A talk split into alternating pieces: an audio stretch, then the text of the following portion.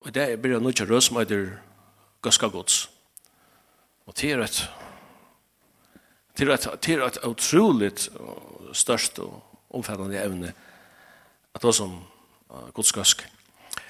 Jeg minnes om det, jeg var cirka 23 år gammel, 24 år gammel, da kom en bok opp i hendene av meg, som jeg les, nesten les, jeg les han ut i 8, og da jeg var kommet til sørste, så jeg Ta tog og lyser henne, så for att det første så ju läsarna. Ta andra förboken jag läser tverfer ut i øyt. Jeg har ikke lyst Lisa så igen. Hun kalles for the normal Christian life. Skriva av kineseren om Watchman Nee. Altså, en en av årsøkene til at, at Bauden gjør det så så starkt inntrykk av mig var att jag kände lösövna til Watchman Nee Han har vid stående i cirka 400 samkommer i Kina, og han skriver i Nekv, prædika i Nekv, og er jo størst varin. Men under 1924 ta tog kommunistene iver valgt i Kina. Og en av dem som ble rastforfilter og teachen og fangslaver var Watchman i. Og han sier at det siste 20 årene er sin liv i fangslet og han døg i fangslen. Og til at han betalte absolutt haksta pris for sin at det gjør det kanskje til bådskapen til noen det som han gav ut i skrift hei fikk så størt arren som det gjør. Det og i bøkken av normal Christian life og sier han i byrjan henne det er en større spurninger om nekar hever liva og et normalt kristenliv utan frelsaren sjolv Jesus. Og da vi tar som at normalt kristenliv så sitter det seg selv at vi kunne ikke ta som en egen normalt utan vi har en norm, vi må sammenlokna det vi et eller annet, normalt og, og imot til kvæt. Kvæt er normalt utan du hever en norm og se sammenbæra vi.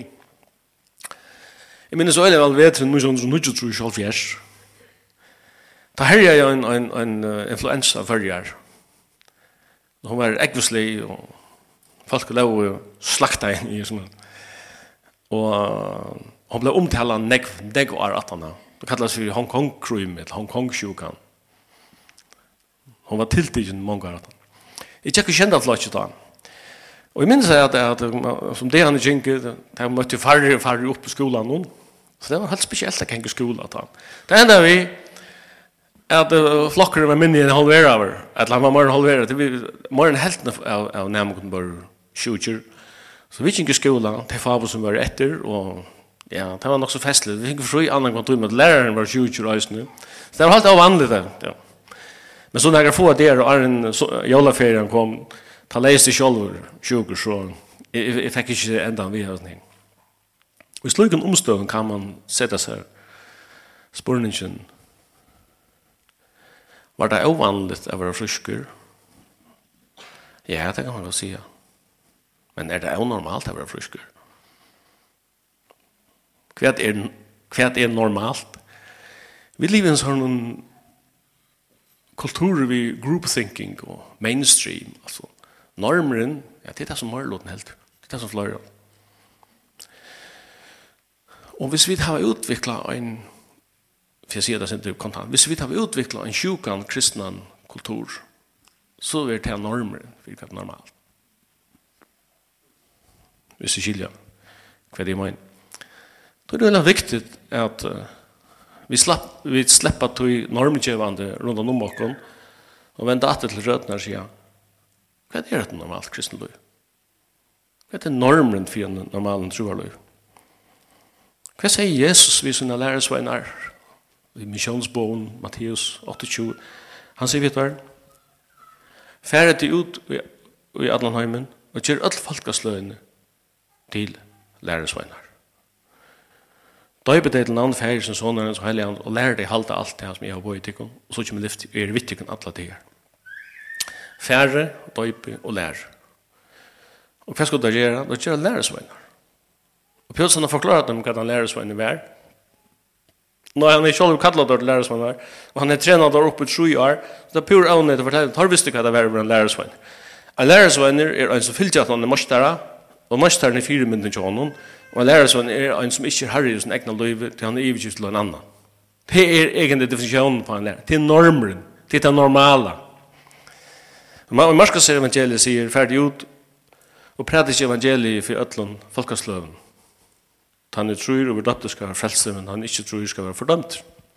Så Markus legger dette trunna, og i misjonsboen, Matteus legger dette av lærersvennskapen, ferdig ut og kjør alt folkasløven til lærersvenner. Når han var bøyen, så leste apostelsøvn. Så stendte det at han fyrir ut, så leser misjonsfyrene, og så stendte det og tar vunnet lærersvenner, og tar vunnet lærersvenner, og tar vunnet lærersvenner. Ta et hel av lærersvenner vaks, og lærersvenner vil brukt atter og atter og atter. At det er normeren. At det er så normalt.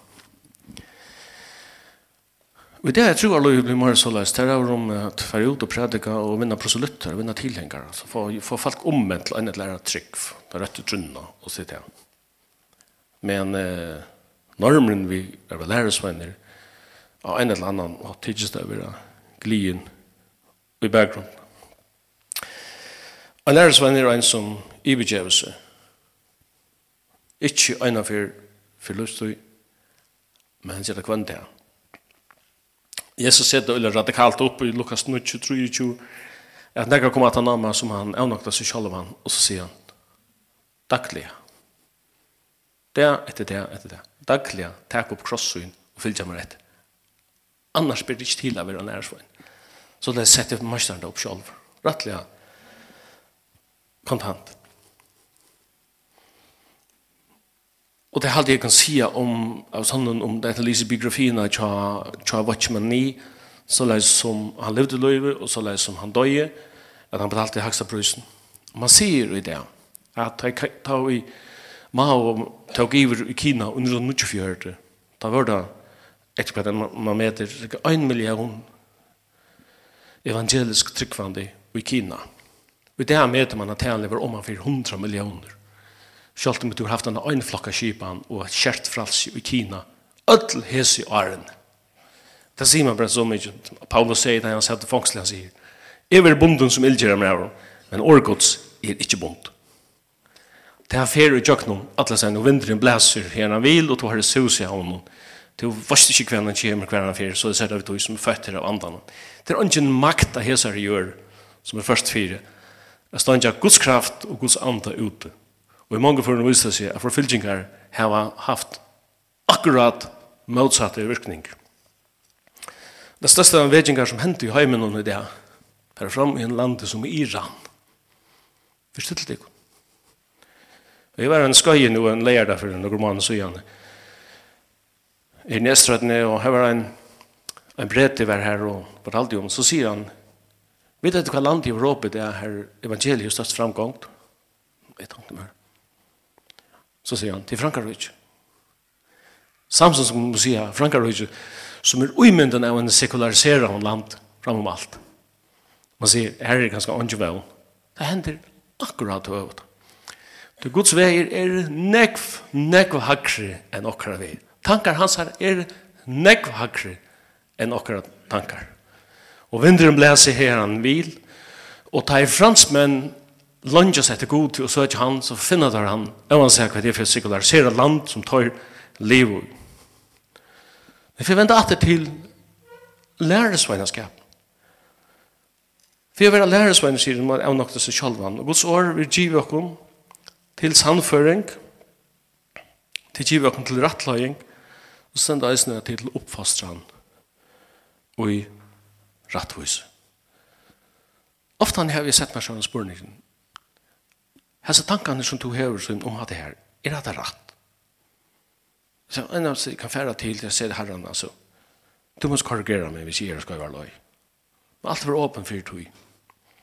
Guds år er giv meg til sannføring. Og hva skal det sannføra meg? Jeg hadde korrekt et eller annet. Nei, her er noen ting som skulle rattast inn uten løyver.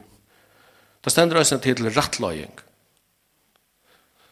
Og til det gav vi til at andre gods er kjivet noen, for jeg løy noen inn, og i atlan sannløkene, ikke 90% eller 95%, men han løy noen inn, og i allan sannløkene hvis vi er åpne. Så gods er det rettleggen, men så stender det løsene til oppfastran og rettvise, og til hever nægge vi disiplinering å gjøre, at gods andre kommer inn og disiplinerer, hva er god sier, hatt det ikke rett, og så, så sier han, men men damer ikke har brøyde på det her, og så Ja, så börjar det.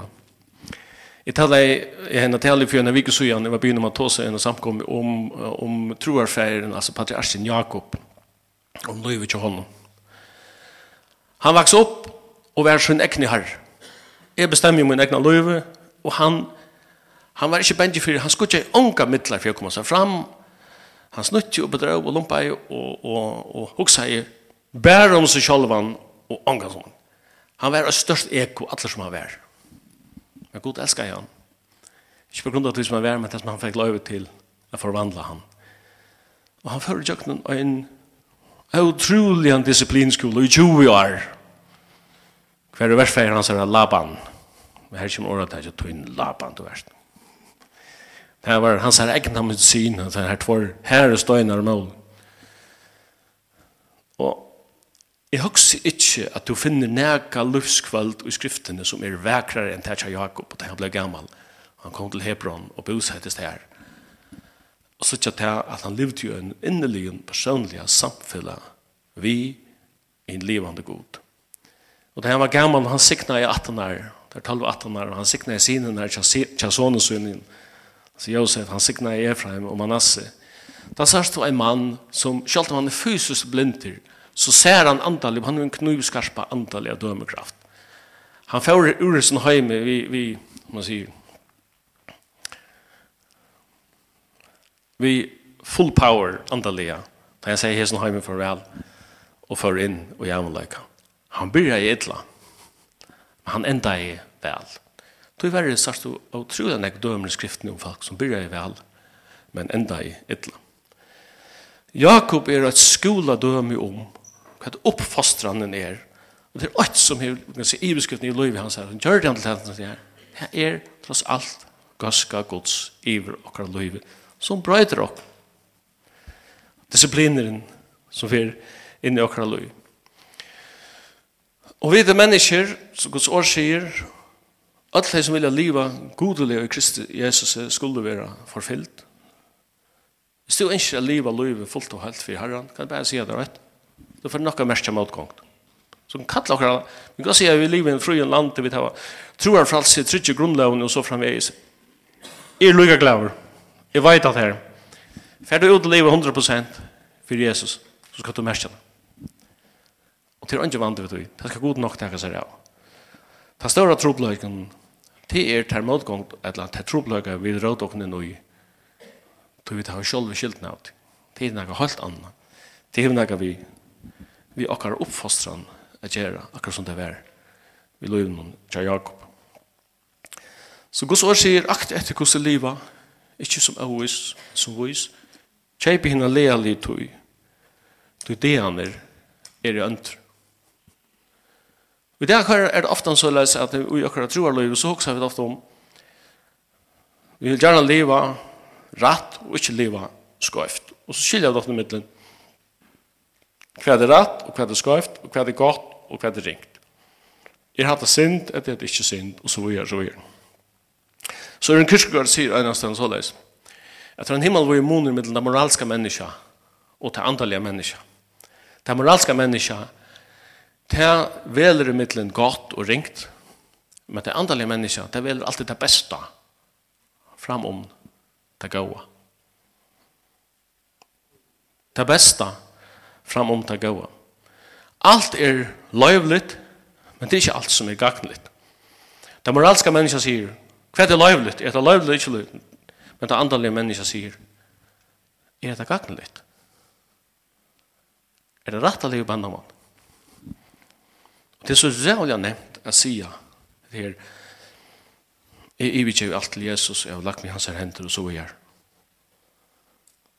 Hva er man bruker for å steg opp og sier, Hva betyr det?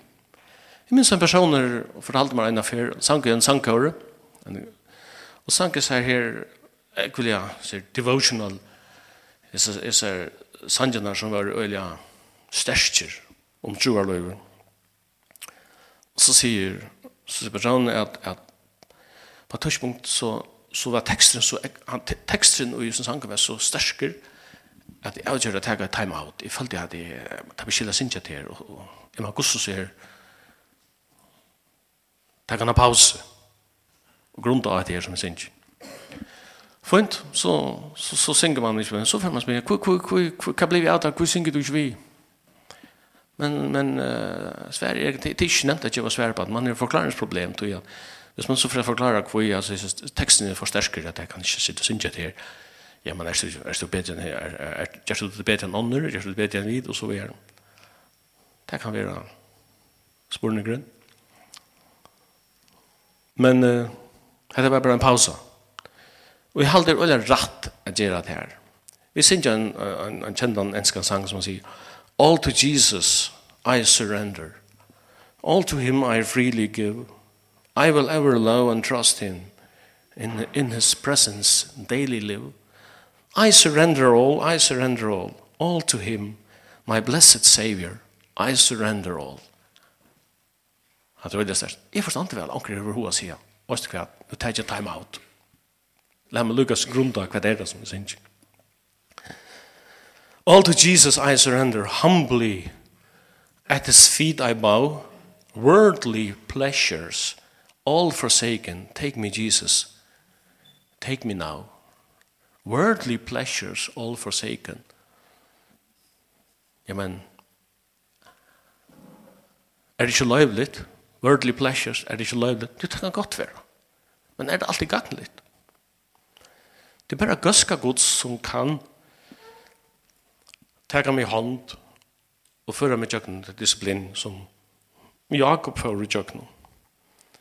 Og nå fer jeg til et skriftsted som vi finner i evangelien et Lukas her Jesus sier vi Peter, han er stadig ved strandene og i, i vi gneser i vattnet, og folket var savnar og noen og de flokka saman av strandene. Da gjør det noe som vi okkar egen så er praktisk ut, han får i en bad, og sier vi han, legg synder ut fra land, og så leier han, så leier Petra synder ut fra landet, og så, med en bad, med luttland avstand fra landet, så prædika jeg, eller så taler jeg Jesus ur baden til folk i strand. Så baden var altså prater jeg selv. Og han talar til folk inn i landet. Det var egentlig praktisk. Men han var livet at tala, sier han, vi, vi Peter, legg ut av døype og sette ut gøttene. Men han sett. Gøttene som tar brukt å ta i tøyene var i Gjørger Ørle Groven tilfær.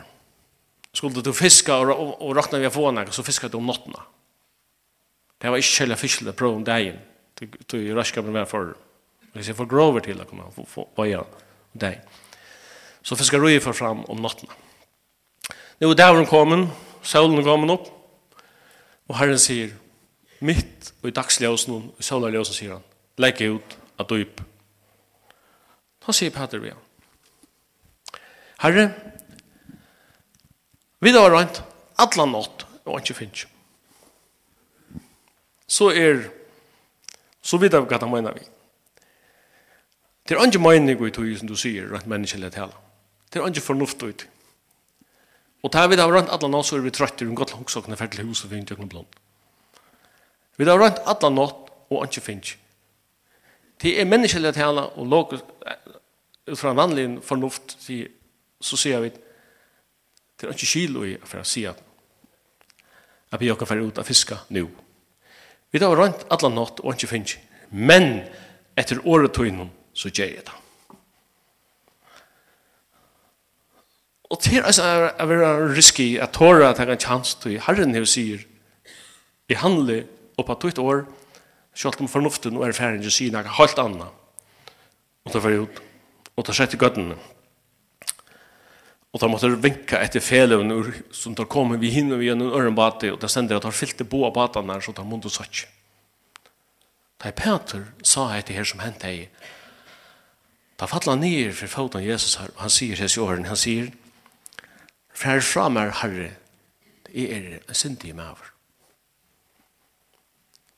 Du i stor øtte var kommet nå han, av fiska og da hørte finnes. Sverige han fikk fra frelseren og hette, øttast ikke, her etter skal du vøye mennesker. Man skal fiske mennesker, og jeg tror det er akkurat det samme som hendte til han for å vøye mennesker, som til han for å vøye fisken av Genesarevattnet, at han kastar i ganske ofta gøttene her som fornuften sier nøy, men her året årfrelsene sier, set ut gøttene. Og det gjør vi også vi fri med oss i morgen. Vi ser det akkurat gøttene ut i morgen. Vi trykker på at det er til vi er mennesker for Guds rydtje og for avnleika. Per Peter sier, Fær fra meg, herre, jeg er en syndig maver, så sitter vi några känslor här som vi kunde kalla det här ambivalenta, det här motströjande. Det var ett, det var några i Peter som som som drog till frälsaren. Det var en en kraftig attraktion. Yes. Akkurat som du läser i Lukas 15, alla tattlar och syndare hilser när till honom för att höra. Jesus var en magnet, alltså han han, han drog men Samson så hesa förn virkade hinvägen. Det står inte från sig. Herre, fra framar. Du er en syndig med år. Og kan spela tikkun. Her var tiden her kan du oppleve hans ambivalente kjenslene og tykker at troer løyve. Jesus, han drever med samsundus, ta i hitje etter meg sjálf og alt det som hvordan mislukkar man er og hvordan alt det er feila og løyve noen at man sier, fer framar herre, jeg er en syndig med år. Og det er hatt det som hender, da man, da man ikke av sånn opplever nøyene, og ikke av sånn her opplever gøske gods, og bare ser hans herre, hans herre utstråling, og hans herre høylaløyga, da stender ikke menneska, øyne løte, fyrir god. Men det er bare på grunn av gøske hans herre, og nøy hans herre, at vi kan takke med ut i åren hans, han sier, og etter stikk. Da Isaias sa inn i himmelen, og han sa herran i stauren ha seg hjerte. Han fikk lov til å sitte han legger halvt av sigelig ting. Som skal andre seg for. Da sier han ikke, amen, punkt. Hei, nå har jeg fikk en åpenbering, nå får jeg hjemme og skrive en bok om det som jeg opplever. Altså. Så var det en andelig, ordentlig, kristelig bestseller. Nei, han sier, Vøy mer til utover mer. Til er mer vi sindion varren og byggvis mittel folk vi syndi var. Da Johannes i åpenberingene fikk han åpenbering av Jesus og han ta sier Johannes da jeg sa han da fattelig som deir nyer for fødder hans her.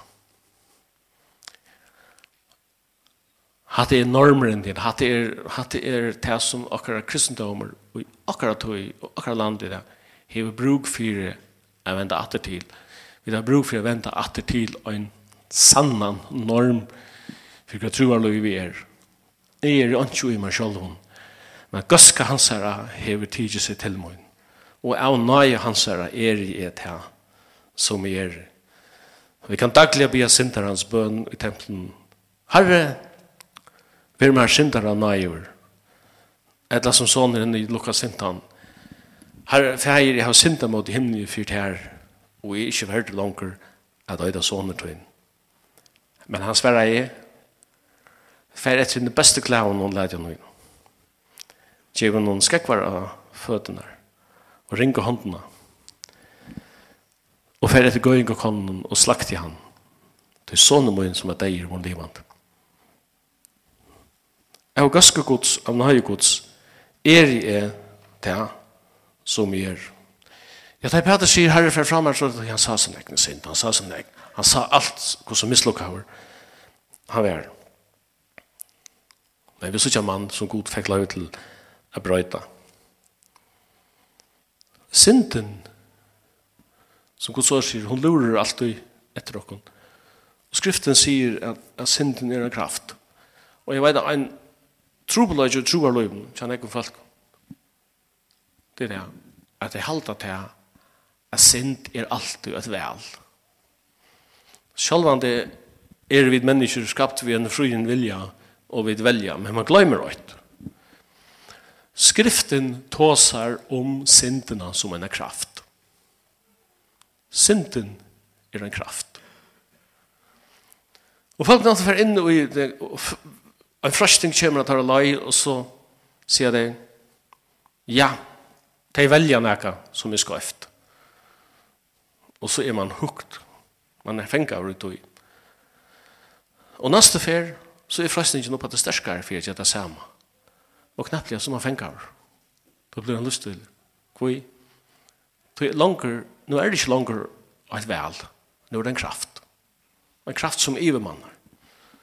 Det her glemmer man veldig ofte. Det er som naturkrefter. Jeg synes ikke jeg har føringer snakket veldig når jeg kommer til en at til landet, til at det kommer turister til fyrir som ikke til fullnar skilja naturkreftene i fyrir. At her er altså ikke til å spela vi. Vi som er oppvaksne her og kjenner der og vidda det. Men Gud sår tassar oss om, om syndene som øyne kraft.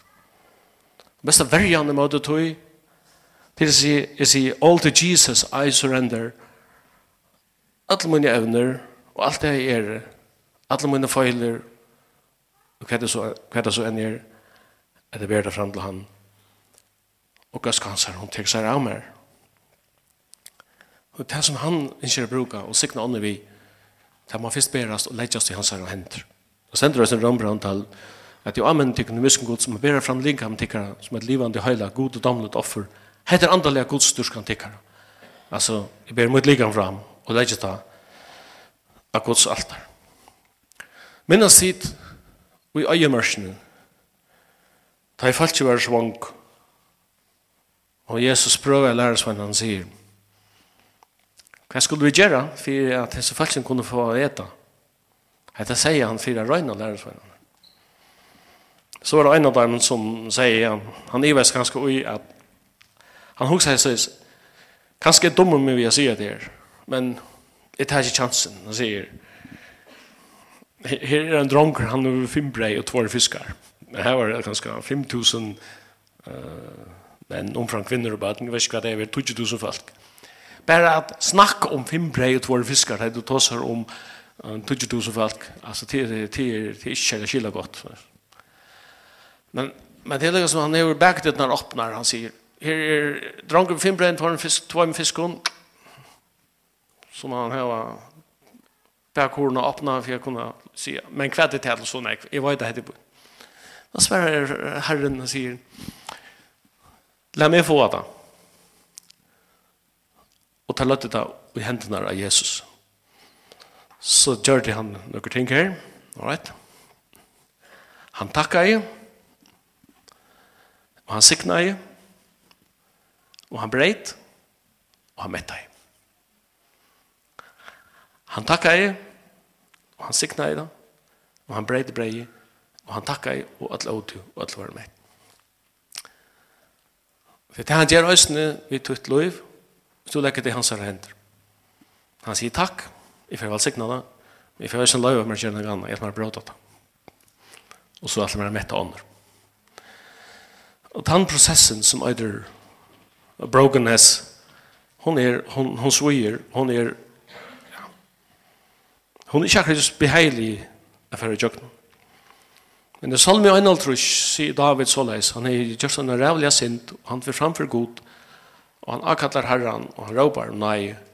og han sier, han sier, brenne offer tek du svi, annars er jeg givet der. Hvis det var problemet, så er jeg givet der. Slater offer, det tek du ikke mot her. Hvis det var seg om at offra fysisk så er gjørsta. Så stender han, så stender salmen alltid. Offer til Herren er en sunderbrotten ante, en sunderbrot er sunt og såra hjärsta, det er vannvirer, god ikkje. Da er en kjemer fram til Jesus, vi er sunderbrotten ante han, det er sunde såra hjärsta han, så gjør han det holdt. Ja, han teker imot det, og han valgsiknar, og han bryter, og jeg kan lova det fyrir, at han hadde bråten, han mettar røysene, Det han er breie som kom ner av himmelen, for jeg ger av hemmen och lov. av øren til Jesus hangen all to Jesus I surrender så det All to Jesus I surrender. Now I feel the sacred flame of the joy of full salvation. Glory, glory to his name. Og det er absolutt den hakste former for fralse som nega menneska kan øya. Den største fralse at menneska kan oppnå her og gjør, det er å være en trealder til Jesus. Det er fralse i alt annet mål. Han er velsignet ikke.